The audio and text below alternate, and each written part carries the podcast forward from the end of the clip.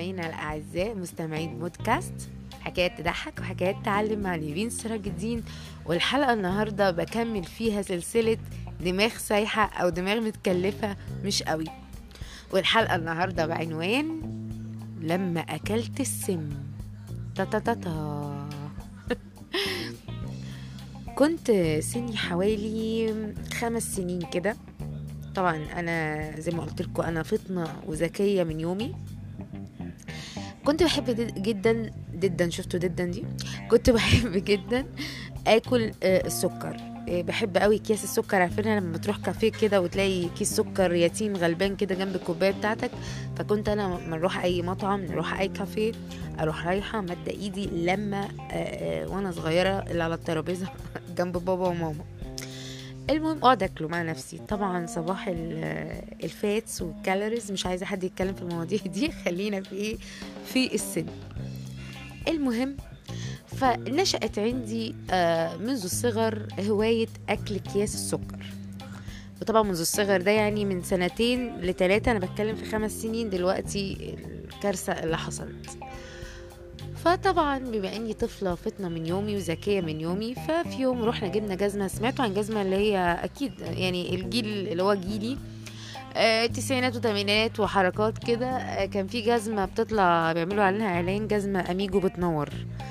فرحت أنا إيه بقى شبطت فيها وفعلا ماما جابت لي واحدة وجابت لاختي واحدة ودخلنا إحنا الب- البيت إحنا الاتنين بننور.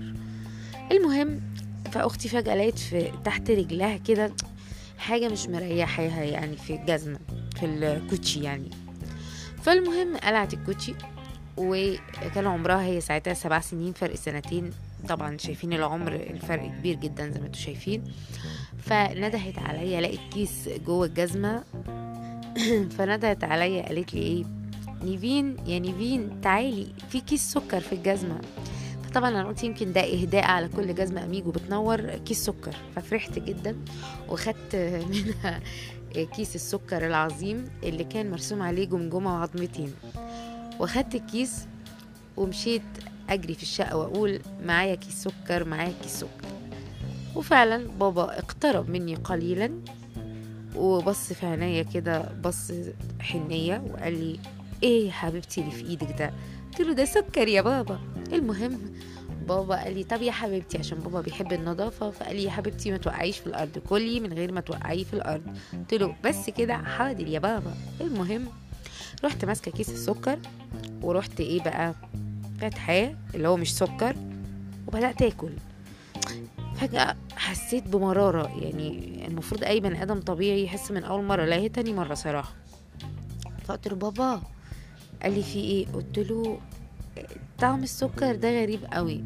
أخد مني الكيس بص لا مكتوب عليه ما يتاكلش ده سم وجمجمة وعظمتين. طبعا أنا في الوقت ده جالي حالة هستيرية وبقيت أجري في الشقة وأقول إلحقوني إلحقوني بموت أنا اتسميت سموني جزمة أميجو سمتني. المهم يعني. فساعتها بابا وماما بقى يجروا ورايا جوه الشقة عشان هما لاقيين واحدة تقريبا ده مش سم ده ده دواء هبل تقريبا. فالمهم قعدت أجري قال يعني كده يعني إيه هتعالج يعني بالجري. فروحت رامية نفسي على رجل ماما وأرجوكي وهذه اللحظات الأخيرة وبتاع. رحت مشرباني لبن. المهم بابا ما اقتنعش باللبن. والدي دكتور راح رايح مديني حاجات مختلفة كده ورحت مرجعه يعني بدون ما تتقرف يعني سوري يعني. المهم بعد ما رجعت الحمد لله آه، سلمى غنمة آه، قمت بالسلامة آه، شبه غسيل معدة يعني. ودي كانت قصتي مع جزمة أميجو اللي بتنور وجواها السم الحمد لله. ومن هنا نتعلم درس. يا حبايبي يا حلوين يا كل الأطفال اللي بيسمعوني. لو في أطفال دلوقتي سامعيني. بعد إذنكم مش أي حاجة تتعودوا تاخدوها لازم تقروا الحاجة مش أي حاجة كيس لونه أبيض يبقى سكر يعني ناخد بالنا. وده علمني إن أنا ما اتسرعش بجد. بعد كده إن أنا لازم أبص على الحاجة اللي في إيدي حتى لو أنا اعتدت عليها. وده فعلا مش معنى إن إحنا اتعودنا مثلا إن إحنا مثلا بنصحى الصبح كل يوم مش عارفة نعمل حاجة روتينية كل يوم الصبح مثلا. فأنا ما فتش على يومي أو ما اشوفش إيه اللي أنا بعمله أو ما ركزش لأن ممكن يطرق شيء وانت اعتدت عليه ومش واخد بالك فيبقى حاجة مؤذية لا قدر الله.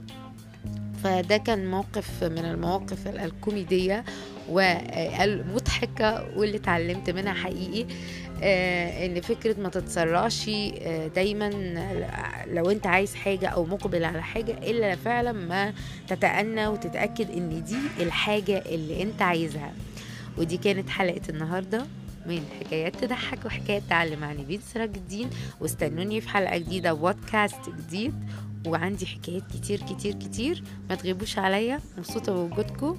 وتصبحوا على ألف خير.